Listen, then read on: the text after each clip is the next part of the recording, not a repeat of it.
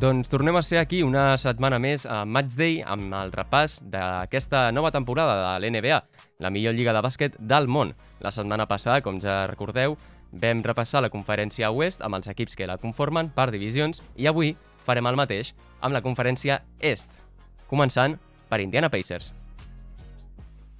assistant coach.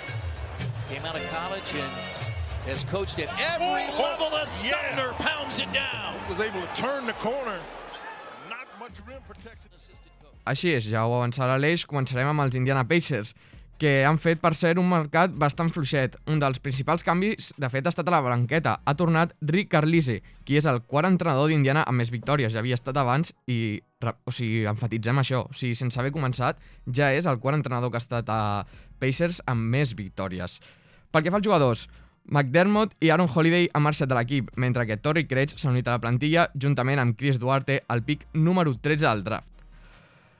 Poden arribar a ser els sisens o els setens de conferència, però possiblement els hi falti un jugador fran franquícia. No creieu? Potser Sabonis el podríem arribar a considerar, però tot i així ens falta com un gran jugador, el jugador emblema de l'equip, i per això poden arribar a arribar a play-in, play-off, però no esperem tampoc eh, gran cosa. Amb aquest quintet no tenen aspiracions bastant altes, diguem-ho sí, així. la veritat és que els jugadors que tenen, tenen coses de bé, de 6, de 7, tenen a Brogdon, Sabonis, Turner, però porten un parell d'anys on doncs, estan una mica queixosos de que no hi ha encaix entre ells, que no hi ha aquesta sinergia d'equip gran, i és com que es queden a mitges, no? Es queden una mica... Exacte. Tanto remar para eh, quedar-se a l'orilla, doncs és una mica la història d'Indiana Pacers aquests anys. Exacte, recordem el rècord seu de l'any passat, va ser 34-38 i quedant novens a conferències van quedar fora, així que, com ja han dit abans, aspiren a intentar colar-se com puguin. Jo vaticinaria una temporada més o menys igual, eh? Exacte. Chris Middleton gets into a little bit of trouble, finds Giannis. Down the hill, baby. Parlem ara del vigent campió de l'NBA, els Milwaukee Bucks. Una de les principals marxes d'aquesta temporada està la de PJ Tucker. Per aquesta raó, eh, Ojeleye i Grayson Allen intentaran pal·liar el forat que deixen l'aspecte defensiu.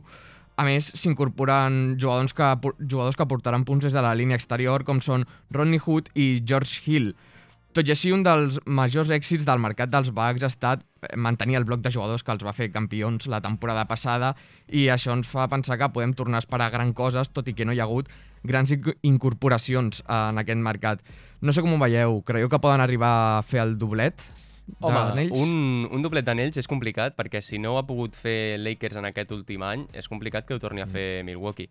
Com bé has dit, hi ha hagut bones incorporacions per seguir envoltant en Teto. La millor notícia de totes és doncs, que l'han tornat a firmar donant-li un anell. Teto segueix i li, que- li, han, li han dit, mira, vols quedar-te? Et donem un anell Oh, i tant. i ja veuràs si et quedes. Ell ha dit que es queda. L'equip de l'any passat doncs, l'han envoltat bé i Mm. veurem. Uh, el tema de repetir anell o no estarà en veure si els altres equips es poden adequar al nivell de Milwaukee, Exacte. uh, si no tenen tantes baixes com l'any passat, perquè si, la, si les tenen Lakers, per exemple, i Nets, doncs per mi Milwaukee em sembla clar candidat junt amb Miami a emportar-se un altre cop l'anell. Totalment. Again, LaMelo ahead of the pack. This time leaves it for Hayward. Seguim ara amb els Charlotte Hornets, que per cert han fet un prou bon mercat. L'equip propietat de Michael Jordan i entrenat per James Borrego ha optat per no renovar cap dels jugadors que es quedaven com a agents lliures i finalitzar aquesta temporada, per tant s'ha fet bastanta neteja. D'altra banda, Kel Loubre ha estat incorporat des de l'agència lliure.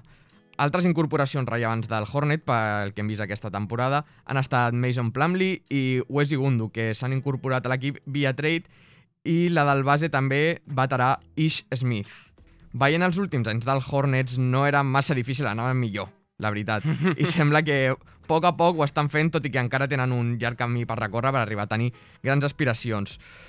Tot i així, jo crec que seria estrany aquesta temporada veure'ls més enllà dels play-in, els Hornets. Sí, no, la temporada passada el més destacable és la Melo Ball de Rookie of the Year, Exacte. que és ara mateix el jugador franquícia estrella. Sí que és veritat que l'han envoltat bé amb Rosier, amb Hayward, i, bueno, desconeixia el fitxatge de Kelly Oubre, Sí. Però ara que l'has dit, doncs, és un altre jugador per ampliar la rotació que no ha donat molt bones sensacions quan ha estat a Golden State. Sí que tenia bona pinta a Phoenix, per tant veurem. Suposo que l'evolució de Hornets doncs, eh, recaurà sobretot en l'encaix de jugadors que han de demostrar Exacte, tot i així encara està en etapa de reconstruir-se i intentar aspirar a grans coses d'aquí anys. Sí, sí, Hornets no. sembla bastant a, a, una, a altres equips que comentarem avui, uh, no avanço, però per exemple uh, Detroit Pistons mm. té una similitud amb un base top i jove, però els hi falta doncs, envoltar-lo de, de gent bona Exacte. i doncs a veure què fan, però jo crec que el play-in és el màxim que els hi podríem marcar mm. dintre de que possiblement no ho aconsegueixin.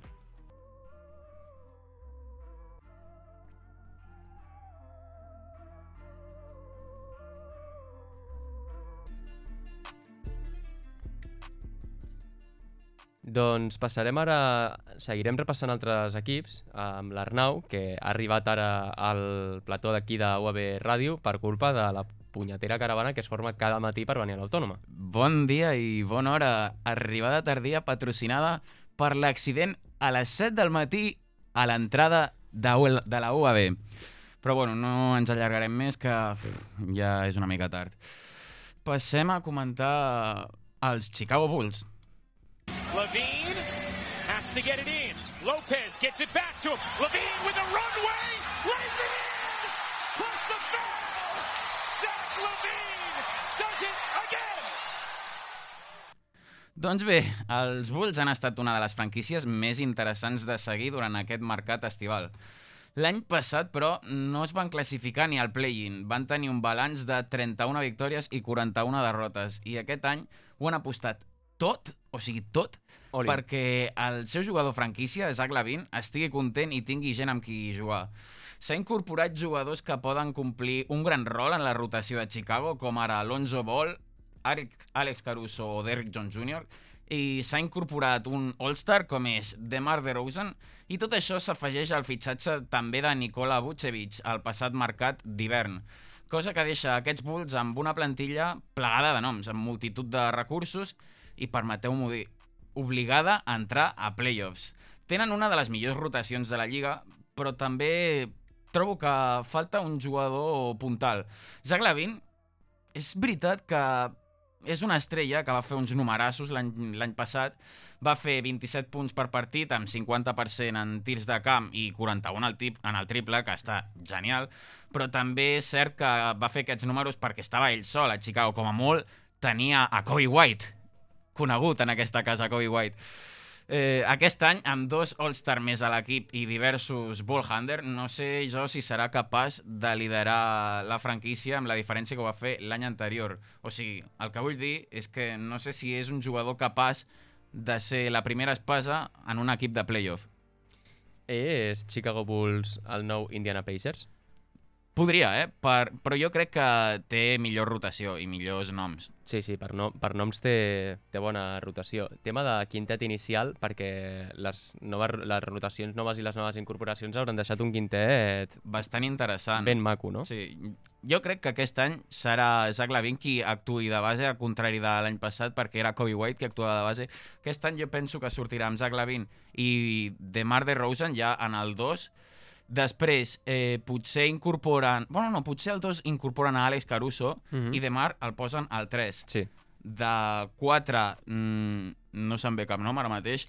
Bueno, no sé si, ten, si seguiran tenint a... Ara et diré, però a Tadeusz Young, el típic jugador que sempre se situava de 4. Mira, Chicago Bulls segueix amb Patrick, bueno, Patrick Williams, no sé si, si li donaran eh? aquesta entrada, i de base ens estem oblidant a Lonzo Ball, també. Hòstia, és veritat, Lonzo Ball. Lonzo Ball sí. de base, de dos la 20, de 3, eh, doncs, um, ho has comentat ara. Sí, però jo penso que li donaran bastanta més bola a, a Zach Lavin que a Lonzo Ball, eh? eh de 3 tindrem a DeMar DeRozan, segur. De mm -hmm. 4, Patrick Williams, el rookie de l'any passat que va fer bona, bona campanya, i de 5, Vucevic, segur.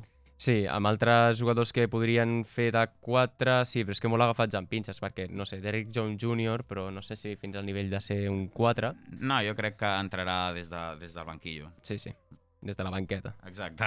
Sexton works on Irving, trying to get loose. He'll fire. He knocks it down! Colin Sexton, with one second remaining in overtime, has tied this game at 127.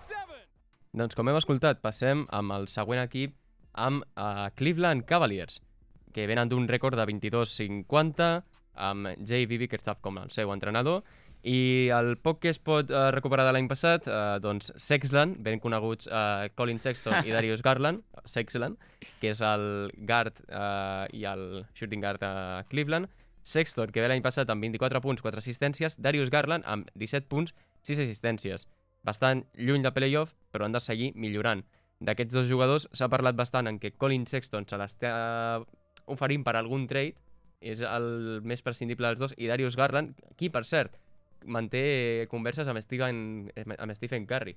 O sigui, Hòstia. el té, el té al seu WhatsApp, eh? Hòstia. És informació de Matchday? No, no. Eh, la, vaig, la vaig trobar l'altre dia buscant, navegant per la internet i, doncs, si Stephen Curry el té en estima, doncs ja se'ns avança que és un jugador que tindrà coses a dir a la Lliga i així ho, ho està ensenyant. Al draft, Evan Mobley, el pick 3, i és un jugador interior, que era una necessitat imperant que tenia fins ara Cleveland Cavaliers, i eh, doncs, també té aquesta facilitat de tenir ball handlers al seu costat, com els que acabem de nombrar, més els que ara doncs, direm, que el poden farcir de, de bones pilotes. L'agència lliure ha estat una mica estranya de Cleveland Cavaliers perquè jo crec que no saben ben bé què estan fent. Ricky Rubio l'incorporen al lloc de base. Uh, Jarrett Allen no és un fitxatge de l'agència lliure, sinó que se l'ha renovat per uh, 5 anys a costa de 100 milions. Bastant, són 20 milions l'any. bastant unexpected, no?, per un jugador com Jarrett Allen. Bastant estrany, sí. Uh, jo crec que està sobrepagat, Mm. sobretot per les necessitats de l'equip que ara comentarem. Taco Fall, Taquito! que jo crec que es fartarà de vendre samarretes, eh, el bo d'en Taco. Lauri Markkanen, Kevin Pangos i Denzel Valentine. Surten de Cleveland, de la Vedova, Torian Prince, Larry Nance Jr. i Anderson Varejao, que jo no sabia que seguia Cleveland, Hòstia. però és, una, és un vell roquer, eh, que està allà dando por saco. Doncs el que deia, uh, tens a dos uh, joves bases i portes a Ricky Rubio, veurem si per fer de mentor, per l'equip B, si, fe, si fa de mentor, però per Ricky Rubio malament, perquè està en una època on necessita jugar un contender, i ara mateix Clar. Cleveland no ho és. I uh, l'altre interrogant així gran és uh, doncs, Lauri Markkanen i uh, la renovació de Jarrett Allen tenint a Evan Mobley, que és un top 3 del draft, i que necessites que agafi minuts, necessites que agafi importància, és un jugador que és molt físic i, i necessita tenir temps per adaptar-se a la lliga i el que no pots fer, penso, és portar a, a Markkanen o renovar Jarrett Allen quan per mi t'hauries d'haver quedat amb un dels dos, perquè eh, és que estàs gastant pasta per Markkanen, que també cobra el, el seu cash, que també és jove, i també per Jarrett Allen, o sigui, és com que t'has de decidir i aquí hi ha un dels tres, entre Jarrett Allen, Evan Mobley i Lori Markkanen, que jo crec que serà Evan Mobley, que s'anirà a la banqueta i tindrà menys minuts. I parado paradoxalment, el que necessita més minuts és Evan Mobley. Per tant, és un pla una mica estrany, el de Cleveland Cavaliers aquest any. El quintet titular seria Colin Sexton, Darius Garland, un vell conegut d'aquí, a Okoro. Hòstia! Te l'havies te l'havies oblidat, però és el jugador que més minuts va jugar l'any passat. Uh, més partits, perdó, va jugar l'any passat amb Cleveland. Compte no es faci el MIP aquest any, eh? Bueno, tu segueix apostant. Eh, Mark Allen i Jarrett Allen. I com a complements d'aquest quintet ens queden Ricky Rubio, Kevin Love, que segueix atra atracant a Cleveland Cavaliers. El tio està amb un passamuntanyes a la banqueta ballant una jota. Uh, Ricky Rubio, Kevin Love, Taco Fall, Evan Mobley, Chetty Osman, uh, Denzel Valentine, Dean Wade i Lamar Stevens. Per tant, és un equip que jo penso que amb els jugadors que té aquest any, si no vol a ningú i si agafen una bona dinàmica, haurien d'optar mínim, màxim, per mi el seu sostre és el play-in. Si estan a un bon nivell.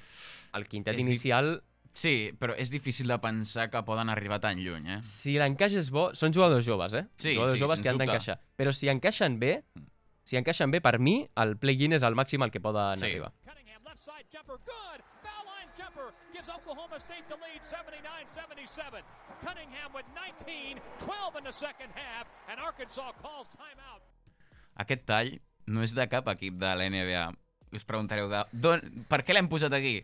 Comences amb el disrespect, ja. Eh?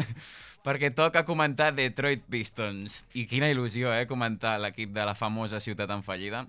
Jo, la veritat, que el comento perquè des de la direcció del programa se'n va imposar, perquè si no, entraria aquí i diria Detroit ha draftejat a Kate Cunningham, el número 1 del draft. I em quedaria tan ample. Bueno, si ho vols fer, passem, eh? No, De fet, no. mira, passem a No, no, Celtics. no, Vale, escolta, vale, vale. escolta, que m'he preparat una, un parell de paràgrafs, collons. Va, endavant, endavant. En fi, l'any passat va ser un desastre pels Pistons. Van ser últims de conferència amb només dos, amb 20 victòries, però aquest any sembla que per fi hi ha un pla a la franquícia. Ja he dit que han draftejat a Kate Cunningham i amb ell han, han iniciat una reconstrucció amb els jugadors joves que ja tenien. Jeremy Grant, Killian Hayes, que va estar lesionat gran part de l'any passat, però s'esperava moltíssim. D'ell, tot i que no va començar relativament bé, va fer 6 punts per partit. Però bueno, és un jugador jove que promet. I Isaiah Stewart, un pivot que va ser rookie l'any passat, però que em va sorprendre gratament, perquè va ser de l'únic que es va aguantar en aquesta franquícia. La gran esperança és, com no, Kate Cunningham, que ve de promitjar 20 punts, 6 rebots i 3 assistències a la universitat, amb grans percentatges del 44% en tirs de camp i 40 en triples. És un gran tirador. Es diu que, més, és un gran líder dins dels seus equips. I això és precisament el que li falta a Detroit. Un tio amb ambició i ganes, i si a més acaba sortint bé, ja, de conya. Doncs sí, el- l'aspiració aquest any de Detroit, quina seria, Arnau? O sigui, no? Més o menys. Superar les 20 victòries de l'any passat? No, que Kate Cunningham tingui un bon encaix. Que Clar, sigui... sí. Bueno, jo crec que és candidat número 1 a rookie de l'any, no? Bueno, compta amb Jalen, Jalen Green, que també apunta alt, però, però sí. Eh, ell mateix va dir que aquest any volia entrar a playoff. És un tio ah, humil. bueno, doncs llavors no sap on ha anat, eh? Sí, sí. Bueno, ja, ja veurem. O sigui, ell mateix s'ho trobarà, però, però bueno, ja veurem com acaba aquesta història. Switches onto him. Tatum and Antetokounmpo, the superstar. Step back three on the way. Oh, it banks in. Jason Tatum puts Boston on top. Amb Boston Celtics començarem a comentar la divisió de l'Atlàntic, eh, aquí a la conferència est. Boston Celtics, que ve d'un 36-36 setents a l'est i van caure contra Brooklyn a primera ronda. Brad Stevens, que ha passat de ser l'entrenador i s'ha anat doncs, una mica més al top, no? perquè diu, jo estic cansat, me'n vaig al general manager Mm. i deixa les claus de l'equip a Ime Udoka, que no ha estat mai entrenador, Hòstia. sempre ha estat segon, i tot i això, sí que molts jugadors de la- de l'equip, de, de la franquícia, doncs han apostat per ell. Han dit, ei, Brad, porta el que sap el que es fa. Uh, aquest draft de Boston Celtics d'aquest any ha estat bastant inexistent, només han portat un jugador en draft en stash, i a l'agència lliure ha entrat uh, Al, el pare de tot el món de Celtics, Horford, Josh Richardson, Juan Chornan Gómez, Dennis, me atracan por donde quieren, mm, de cobrar 20 a cobrar 5, Schroeder i. És a Després dir- dius que el disrespect ve, ve, ve de part meva. Lo de Dennis Schroeder és un desastre. I miris, Sí, per, on, miris per on ho miris, doncs és el que s'ha de dir. I surten la baixa més sensible per mi, Taco Fall, Evan Fournier, Tristan Thompson, Kemba Walker i Semio Geleye. La plantilla que queda amb un quintet inicial amb Dennis Schroeder, Marcus Smart, Jalen Brown, Jason Tatum, jugador franquícia, i Al Horford. I amb complements tan interessants com Josh Richardson, Juan Hernan Gómez, Jabari Parker, Enes Kanter, Romeo Langford, Aaron Nesmith o Robert Williams III. Llavors, el que queda com a pregunta en l'aire és d'on aquesta plantilla, aquest quintet inicial i aquests complements per arribar a la final de l'est? És, si més no, és molt interessant aquesta plantilla. L'any passat van decebre molt, mm, també a causa de les maleïdes lesions, però és que nom per nom són un gran equip i tot depèn de, de l'evolució constant dels dos grans jugadors d'aquest equip, Jason Tatum i Jalen Brown. O sigui, són dos jugadorassos. Ja ho va demostrar Tatum l'any passat, fotent 50 punts en el seu debut a playoffs i crec que va arribar un career high de, de 60 durant la temporada regular i va demostrar que, a part de ser un jugador molt dinàmic, és un gran anotador, que deien que era el que li faltava a aquest jugador. Doncs toma, Jo m'animo a dir que sí que ho faran perquè la rotació, a més d'aquest any, és bastant completa i mantenen, Sí. i, mantenen i milloren l'11 i el quintet inicial. Per tant, jo m'animo a dir que a la final arriben. jo no sé si a la final, però segur que faran molt millor paper a playoffs que l'any passat. Gets it into Durant. Here is Durant moving on Tucker. He turns, he shoots. Yes! With one second remaining. One second left. Mira, parlàvem de Celtics i l'equip que els va deixar fora en els passats playoffs van ser Brooklyn Nets, que són, al meu parer, l'equip més atractiu per veure aquest any. Deixa't de Lakers, amb LeBron i Westbrook barallant-se pels rebots i assistències. Si tu vols veure màgia, la tindràs als nets, sempre i quan, això sí, estiguin tots sants. L'any passat van ser segons de conferència i van arribar a semifinals de playoffs amb un asterisc. Kevin Durant va estar completament sol contra els Bucks. I tot i això, gairebé se'ls fa. O sigui, va ser perquè el seu peu és molt gran, que va trepitjar línia i aquell triple que no va acabar sent triple els va acabar conduint a una pròrroga que van perdre en el Game 7 contra els Bucks. El gran problema dels Nets van ser les lesions al llarg de l'any. Kevin Durant només va jugar 35 partits, Kyrie Irving 54 i James Harden 44. Entre el Big, el, el Big 3 només va coincidir 10 partits junts jugant la temporada anterior. I aquest any els tres sembla que començaran sants i podrien jugar junts, o almenys així hauria de ser, perquè de moment Kyrie Irving no s'ha vacunat i és una de les seves clàssiques pataletes. I de moment l'estat de Nova York no el permet disputar partits oficials a casa seva, a Brooklyn. Bueno, no, no pataletes, sinó que està grillat. O sigui, Sí. ve, d'un entorn... Bueno, no sé de quin entorn exactament ve, però està malament del cap i és el que hi ha. Sí, o sigui, sí. és un jugador que hi ha vegades que va amb incienso regant la pista abans del, del partit. Contra o... Boston. Sí, fa el coses seu rares. exequip. Fa coses rares llavors eh, mm, doncs l'últim que em queda a veure és que es cagui al, al, a algun camp, o sigui, Eh. no sé, coses rares i no es vacuna, és una d'elles, no? De moment ha estat entrenant a San Diego. A San Diego, a l'altra punta del país, perquè a Brooklyn no pot. Bueno, sí, és això de... Hòstia, no em deixen entrar a Catalunya? Doncs pues me'n vaig a les Illes Canàries. Sí. Bueno, Molt sí, bé. o a la Casa de la República. En fi. Eh, més enllà del Big 3, els Nets han renovat a Blake Griffin per un nou mínim aquest any i a part de Bruce Brown. I han incorporat a Patty Mills i a la Marcus Aldridge, que torna de la seva retirada obligada per problemes al cor, després que així ho hagi utilitzat el seu metge. Per tant, l'aparador d'estrelles i jugadors il·lustres creix a Brooklyn i es refermen com l'equip a batre aquesta conferència juntament amb els Bucks. Uh, jo crec que els hi passarà el mateix que a Lakers, que els guanyaran ells sols. O sigui, mm, tenen una gran edat mitjana a la plantilla, Hmm. no sé exactament quina és, però si comencem a repassar noms, doncs és bastanta. Mm. Eh, molt jugador eh, bastant gran, uh, si sumem a Patty Mills i a la Marcus Aldridge. Clar. Molta experiència, sí, però molt, molt grans. I veurem, si arriben bé a playoffs, clars candidats. Si arriben a playoffs i tenen alguna lesió, que és el que passarà, veurem a quin nivell estan. Clar, tot depèn d'aquestes lesions. Però jo crec que la rotació que tenen és millor que la de Lakers. Tens a Mike James, tens a Joe Harris, tens el mateix la Marcus Aldridge i Blake Griffin, Patty Mills. Patty Mills... Mm, són jugadors que no són tan, tan grans... Bueno, la Marcus Aldridge sí, evidentment, i Blake Griffin també. No són tan grans com la rotació de Lakers i que poden donar frescura a l'equip, que és el que li falta a l'equip de Los Angeles.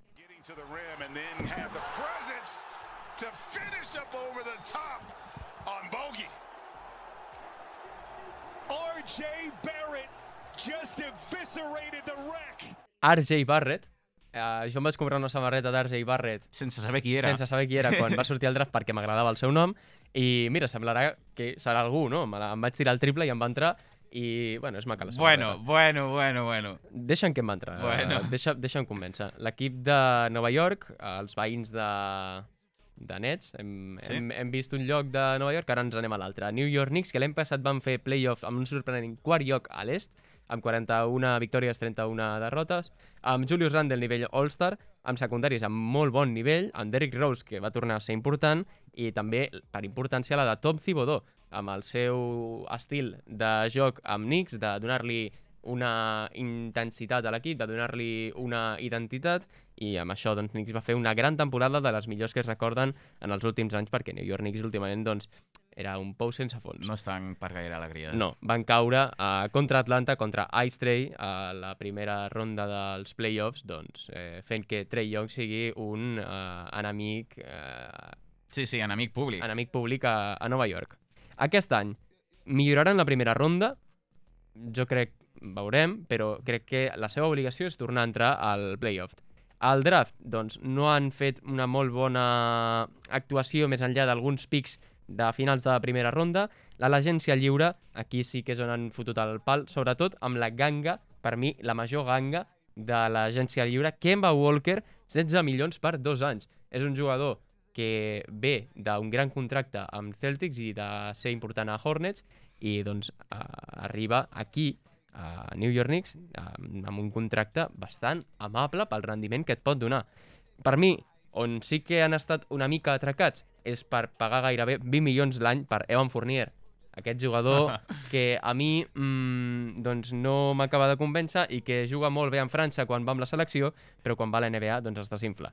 Surten de l'equip eh, Reggie Bullock, Antiliquina i Elfrid Payton i renoven, gran notícia per mi, Julius Randle no renova pel màxim, Hòstia, 117 per 4 anys, molt bé. que són diners, Sí, però sí. no és un màxim. Clar. Randall es sentia content a l'equip i va dir, doncs renovo, no pel màxim, però aquí és on vull estar. Renova a Der- a Derrick Rose 43 per 3 anys, a Gibson pel mínim i Noel i Burks per 10 milions l'any. Per tant, almenys no s'han tornat bojos a Nova York, que és el que normalment fan donant-li pasta al, al tio que li fa bé les coses, Sí. doncs han sabut moderar una mica això i els hi ha agradat un equip molt competitiu amb Kemba Walker, Evan Fournier o Emmanuel Quickly, Archie Barrett, Julius Randle i Nerlens Noel, Mitchell Robinson o també pot entrar aquí Ty Gibson i amb una banqueta amb Alec Burks, Derrick Rose, Obi Toppin, Kevin Knox, Quentin Grimes...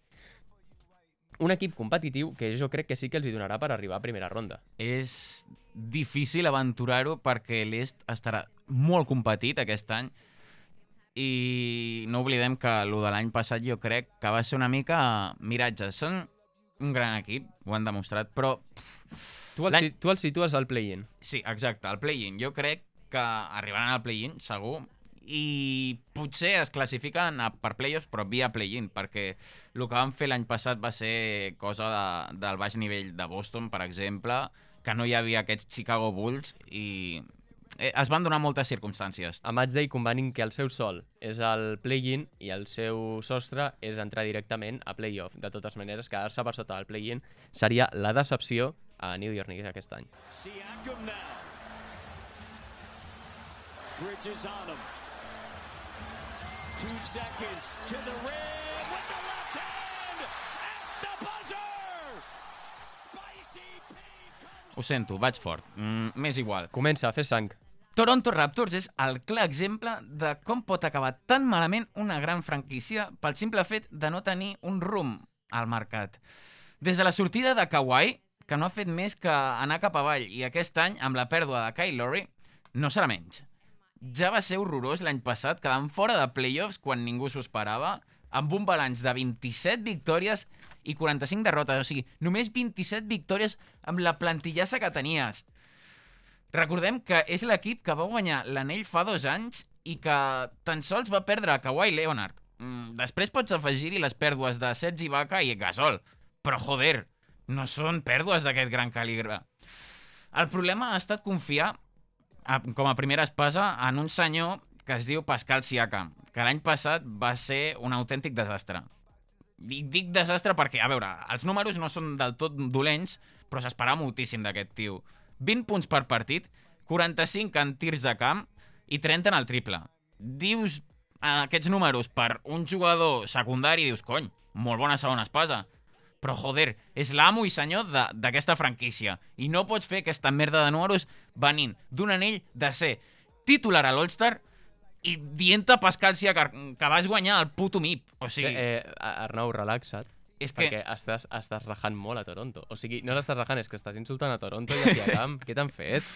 No puc, no puc amb ells. Què t'han fet? O sigui, no sé, amb la plantilla que els ha quedat aquest any a Toronto, mm, playoffs no entren ni de broma. No, de fet, durant bona part de la temporada passada, l'equip va estar liderat per un puto undrafted, Arnau, que va ser deixa d'insultar. Fred Van Vliet. Vigila els, ta vigila els tacos. Fall. Ens, ens agrada Taco Fall, però no els tacos. Fred Van Vliet va fer una campanya notòria. Doncs aquest any la tornarà a fer, Sí. perquè és l'únic que hi ha. Va fer 19 punts per partit i sense la teòrica segona espasa. Li recordo un partit molt bo en què la primera part va fer 9 triples, així com qui vol la cosa, va fer 54 punts, que és el rècord per un jugador undrafted i molt millor que Pascal Siakam. Aquest any, Nick Nurse, que és l'entrenador, té feina. Ha incorporat joves jugadors per mirar de fer una espècie de reconstrucció com a Chihuahua o Sam Decker, però tampoc asseguren grans resultats al joc canadenc. I per rematar-ho, ha arribat Goran Dragic per mitjà d'un trade amb Miami, però des del primer moment d'aquest tracte, el base eslové ha expressat el seu rebuig per jugar amb la franquícia canadenca i ja s'està buscant un nou destí per ell. En resum, els Raptors tenen bastant pitjor plantilla que els darrers anys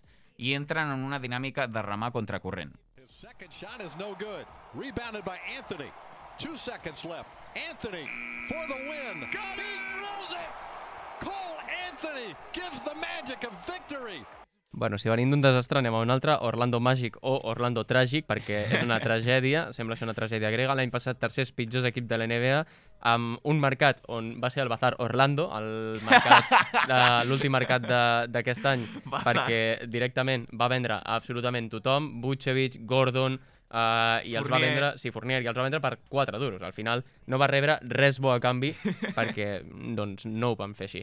Les lesions també van afectar sobretot de uh, Fultz i d'Isaac, que és, eh, no per arribar a playoff, perquè això ni ho somiem, però sí per seguir desenvolupant a jugadors que han de ser molt importants. Esperança? Mm, poca, bastant nul·la. Només la podem situar al draft, que ha estat bastant bo. Dos pics al top 10, Jalen Sachs, que és un jugador amb caràcter de líder de franquícia i Orlando necessita un tio així, tot i que mm, és el tercer guard que porten en els últims anys. Uh, Markele no el comptaré perquè no és draftejat per Orlando, però sí que és un pick 1 Mm. i que doncs, ha estat un desastre. Cole Anthony, que és un altre que hem portat i que sembla que funciona. Veurem si juntant amb Jalen Sachs doncs, formen un bon backcourt i donen esperança a Orlando, que ara mateix falta. I l'altre jugador que s'ha escollit al draft, Franz Wagner, pick 8, bon defensor, i en, ha de millorar el tir, però si aconsegueix un triandí aquí a Orlando, doncs tindrà bon jugador o titular o de rotació. A l'agència lliure, cap moviment, l'únic eh, ha arribat Robin López, mm, a mi... Eh, interessant. Sí. No, bueno. zero. Mm, sí. Zero, zero interessant. I marxa Noto Porter, que almenys tenia un contracte bastant gran i se l'han tret sobre, i Dwayne Bacon. La plantilla és una plantilla molt tirada a futur.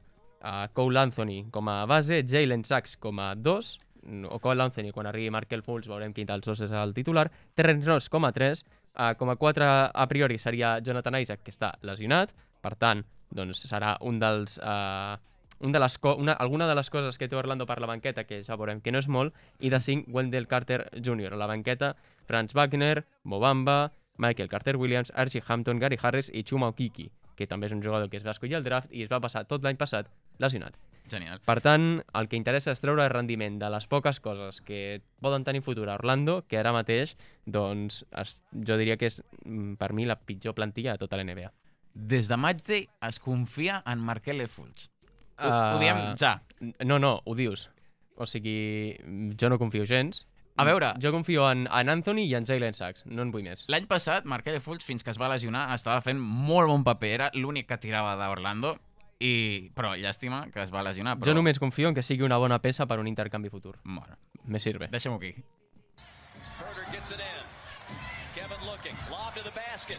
Poked away.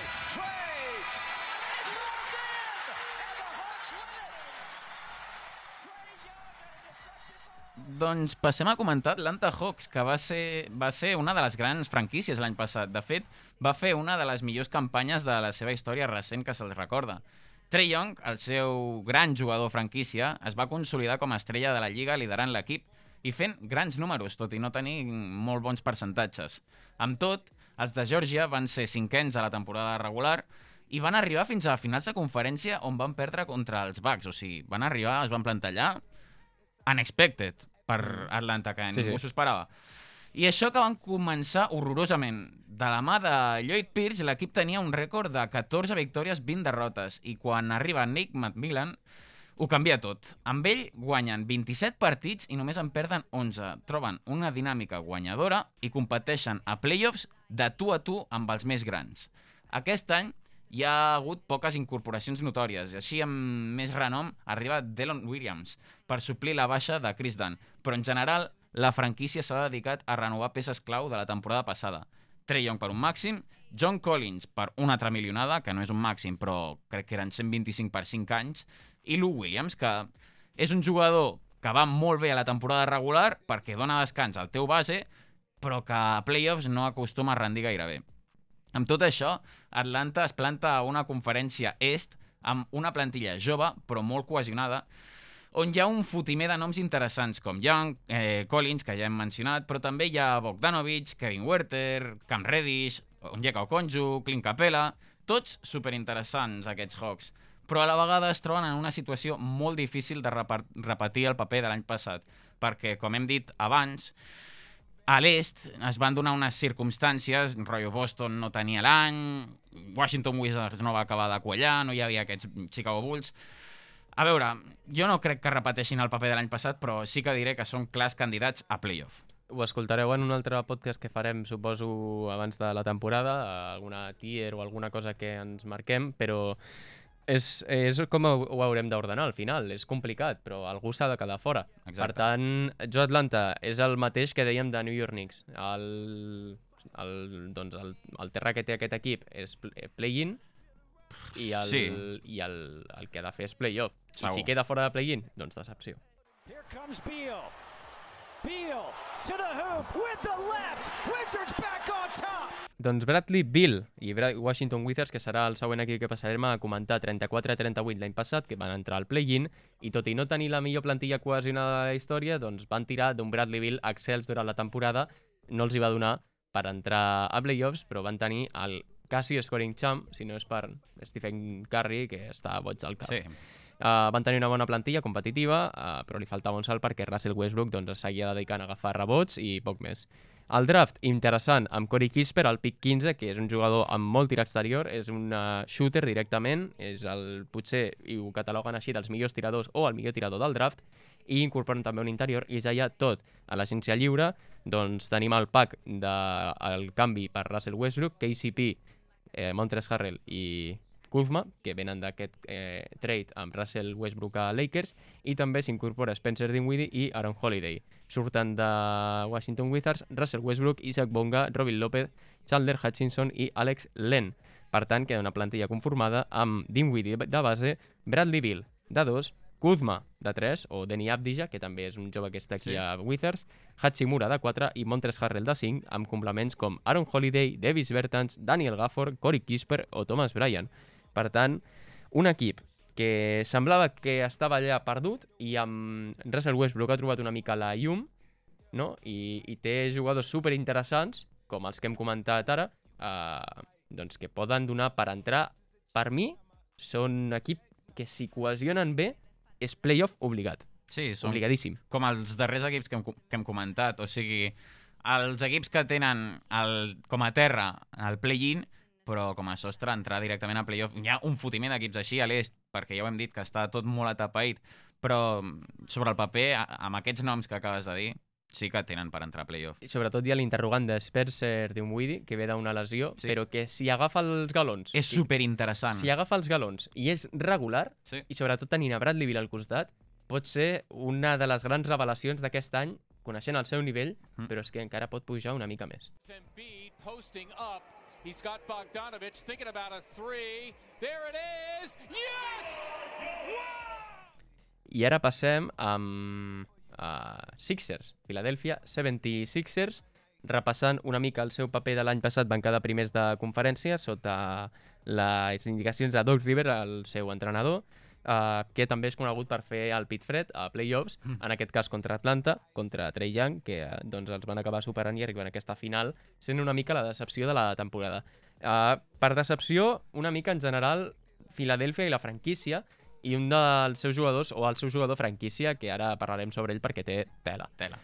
Segueixen a l'equip Seth Curry, Joel Embiid, Danny Green, Tobias Harris, Isai Joe, Furkan Kozmar, Tyren Maxey, Shake Milton, Ben Simmons, Matthew Stiebel i Paul Reed, i arriben Charles Basie, Andre Drummond, bueno, Shaquille Harrison, Aaron Henry, George Niang, Grant Riller i Jaden Springer. Marxen de l'equip Gary Clark, George Hill, Dwight Howard, Mike Scott, Anthony Tolliver i Rajon Tucker. Per tant, veiem on no hi ha una, un gran canvi a la franquícia, el canvi substancial és que Ben Simmons ha dit que no vol jugar més a Sixers. S'ha cansat d'aquest tras de procés. Bueno, ell no. Ell s'ha cansat de jugar a lo, a lo malament que ho feia allà, però és, jo trobo que és injust per una franquícia que li ha donat les claus injustament a un jugador, ha, ha construït i reconstruït sobre aquest jugador en comptes d'Embiid, li fitxaven tiradors perquè ell és incapaç de tirar, i ja ho va dir Embiid la setmana passada, mm, si Ben Simmons vol marxar, que marxi. Eh, li han fet la, la franquícia a, al seu voltant i no pot ser que estiguem tot el, tot el rato depenent d'ell. Veurem on marxa Ben Simmons, de totes maneres, del que faci ell, perquè ara mateix està sense equip, entre cometes, eh, perquè Sixers no li ha pagat 8,25 milions per la seva rebaldia, Clar. o sigui, Està... És que no, no ha anat al training camp. està sense training camp, està sense equip, entre cometes, perquè segueix a Sixers, però no va amb ells, per tant veurem qui eh, traspassa per Ben Simmons. Durant la, aquesta guia que hem fet ja hem nombrat alguns equips, eh, però veurem qui a, a, acaba arriscant per un jugador que al final s'ha declarat en rebeldia i que doncs ara mateix no té equip. A Sixers, depèn del que faci, playoffs obligats perquè tenen plantilla per fer-ho. Sens dubte. Sens dubte, veurem els complements que acaben arribant, uh, però fora dels playoffs, doncs, primera, segona ronda, tot depenent del complement que arribi Clar. per Ben Simmons, uh, finals de NBA, potser, ai, ai, finals per, de l'NBA no, finals de l'est com a màxim potser, Mm. i, el, i la primera ronda és el mínim que es demana a aquests Sixers. Jo trobo que són un gran equip que, depenent del de complement que, que arribi, els pot, ser, els pot situar a l'esgraó de contender o no, perquè ara sí que és veritat que estan a un segon esgraó per sota d'aquests Bucks, Nets, inclús Miami, però no, no els trobo a, en el top de l'est. Doncs depenent d'aquest complement que arribi per Ben Simmons, o si Ben Simmons es queda, que és bastant improbable, doncs veurem què acaba passant amb Philadelphia 76ers. Duncan Robinson again. That's good. And the foul. Duncan Robinson from downtown. Doncs tanquem aquesta guia de l'est amb Miami Heat, l'equip dirigit per Spoelstra, que l'any passat va tenir un balanç de 40 victòries i 32 derrotes. Un balanç que, al meu parer, va ser una mica insuficient per als noms que tenia aquesta franquícia. Venia d'unes finals de l'NBA, el 2020, i amb noms com Jimmy Butler, Adebayo, Goran Dragic, que estava l'any passat, mm, s'esperava moltíssim. Sí que és veritat que no va tenir gaire sort tampoc amb les lesions, Jimmy Butler va estar molt lesionat, però s'esperava bastant més d'aquest equip. A playoffs, recordem que van caure a primera ronda per un estrepitós 4-0 contra els Bucks, venint de, del 2020, que van guanyar 4-1 contra l'equip de Giannis Antetokounmpo. Venien amb els aires una mica pujadets i els hi va acabar passant factura. Sí, sí, En fi, sí, sí, ha quedat clar l'eix. sí, En fi, aquest any han, han tingut un gran mercat de fitxatges. el millor. Sí, i de fet és el que fa que la gent pensi que és un dels equips més atractius per veure aquest any i el fa un equip molt perillós. Eh, han arribat Kyle Lowry de Toronto Raptors, PJ Tucker i Marquise Morris i ja, entre d'altres, eh, Mika Porter, Javonte Smart i Drew Smith. Eh, els tres primers, Kyle Lowry, PJ Tucker i Marquise Morris, són tres jugadors que et fan automàticament un equip contender. Són perros malos, eh? Exacte, o sigui, són tres jugadors que li donaran un nivell a la plantilla de Miami que pocs equips el tindrà. Eh, Kyle Lowry serà un ball handler que li faltava a, a aquest Miami perquè Goran Dragic patia molt de lesions i no podies dependre eh, sobre, mm, sobretot d'ell en aquests playoffs, o sigui és un gran jugador de playoffs, Goran Dragic, però a la que es lesiona ja no sí, el sí, tens. que les lesions afecten bastant, sí. I PJ Tucker i Marquise Morris són dos perros malos que Jo ara mateix m'imagino a Miami com un equip de segurates de discoteca. Sí, bueno, és que tinc una foto al davant de PJ Tucker i fa por. Sí, no, no, PJ Tucker és típic segurata de Cocoa a Mataró que no et deixa entrar per anar poc pijo. I si aquests noms els hi sumes, els Duncan Robinson, els Tyler Hero... Tyler... Que per cert, està sonant per sota la cançó de Tyler Hero, que es diu Tyler Hero. Em, em deixes pujar-la un moment? Puja-la, puja-la. Ui, mira, just ara mateix acabava. Quin problema. Bueno, doncs amb aquests noms que acabes de dir, Arnau... T'agrada molt. Sí, se'ls fa una plantilla, per mi, top 3 de l'est, Sens dubte. i, i, i, i deixa'm tirar-me el triple, per mi, eh, candidata a l'anell. Sens dubte. O sigui, són contenders automàtics. Se'ls ha de posar aquesta pressió perquè és el que toca i, doncs, jo crec que és això. Candidats a l'anell i no, no baixant d'aquí. Clar, amb aquesta plantilla quin és el quintet titular? Perquè tens una rotació enorme. Mira, quintet titular, Kyle Kyle, Lowry, Kyle Lowry uh, de de dos, dos, Duncan Robinson, de 3, Jimmy Butler, de 4, quatre. Markieff o PJ Tucker. i de 5 Bam Adebayo. Clar, sí, però qui, qui fa jugar? Uh, jo crec que depèn. Si vol un quintet alt, Marquise Morris. Si vol un quintet baix, PJ Tucker. Sabem, sabem perfectament que a Spoelstra PJ té pànic, té pànic als quintets alts. Per tant, PJ Tucker. La incògnita aquest any, Tyler Hero, la cançó. Mm, És un jugador amb un potencial enorme, o sigui, ho va demostrar en els playoffs de 2020.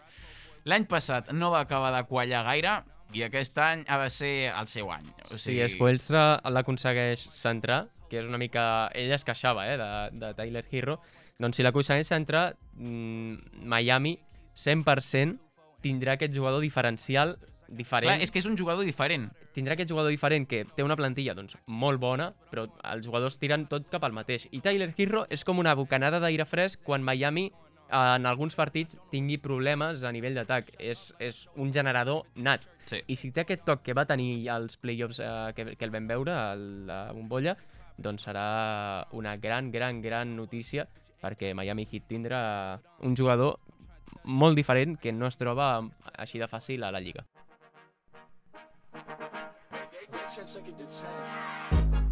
I fins aquí el repàs d'aquesta conferència est. Demanem perdó perquè ha estat un repàs una mica accidentat. Al principi estava el Xavi, ha hagut de marxar perquè avui comencem pràctiques, s'ha de dir. Isca, Comencem pràctiques per fi, el Xavi i jo, tu Arnau trigaràs perquè les fas de caps de setmana, vale, sí. diguem així, i també això se li ha hagut d'afegir les caravanes que ens hem trobat perquè avui el dia doncs, feia molt mal dia, hi havia pluja, accidents, i hem tingut problemes. Per això el Xavi només l'heu escoltat al principi, ha hagut de marxar, i l'Arnau l'heu escoltat doncs, a partir de minut 5-6, que és quan ha arribat. Ens adaptem, és l'horari que ens ha tocat, no coincidim gaire, però si més no, ens ha sortit prou bé i jo trobo que és una guia molt correcta de l'est que complementada amb l'oest dona per saber-se... Si voleu guies més llargues, teniu canals de YouTube, segur, amb guies d'un equip, uh, un vídeo dedicat per equip. Aquí us fem guies de 5 minutets perquè tingueu els quatre trets importants de cada equip, perquè els pugueu escoltar mentre esteu cagant, mentre aneu al cotxe, mentre esteu al Molt bé, gimnàs. Aleix, molt bé. I... Molts detalls. Exacte, no cal més. I fins aquí la guia. Vindrem amb nous uh, podcasts uh, les setmanes següents Més entretinguts, més dinàmics. i amb més repàs de la temporada que recordem que en res, eh? En pocs dies perquè recordem que ahir mateix van començar la pretemporada a l'NBA amb la Sí. victòria de Brooklyn Nets sobre Lakers per més de 20 punts de diferència. No va jugar ni LeBron ni Westbrook, però ja, ja tenim algunes sensacions, eh? Doncs amb aquestes cosetes i amb els repassets que vindran les setmanes següents, eh, us esperem en Matchday en un nou programa. Adéu. Fins aleshores.